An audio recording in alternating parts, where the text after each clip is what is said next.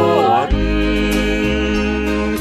Doa di Tuhan bagi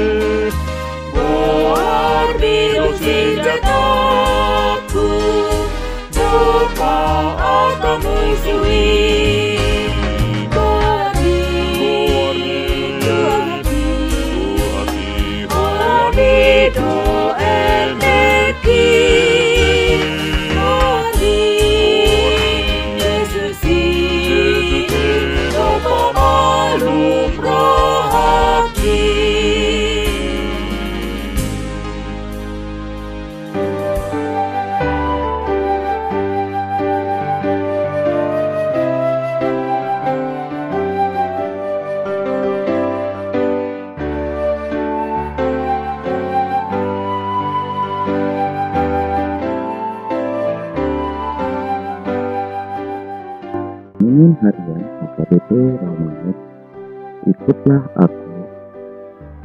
Rabu 30 Desember 2020 dengan tema Diajar untuk Berubah.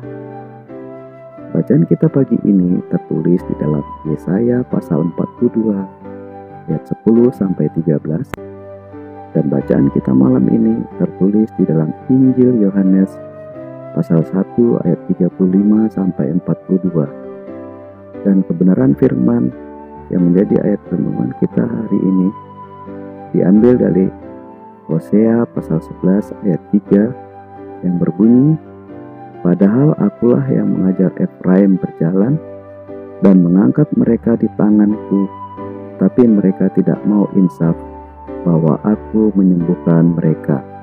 Demikian firman Tuhan.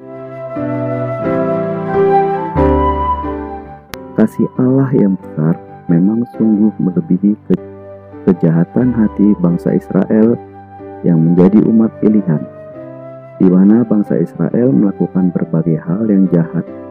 Padahal Tuhan Allah senantiasa menyertai perjalanan umat pilihannya. Bangsa Israel menyembah Baal.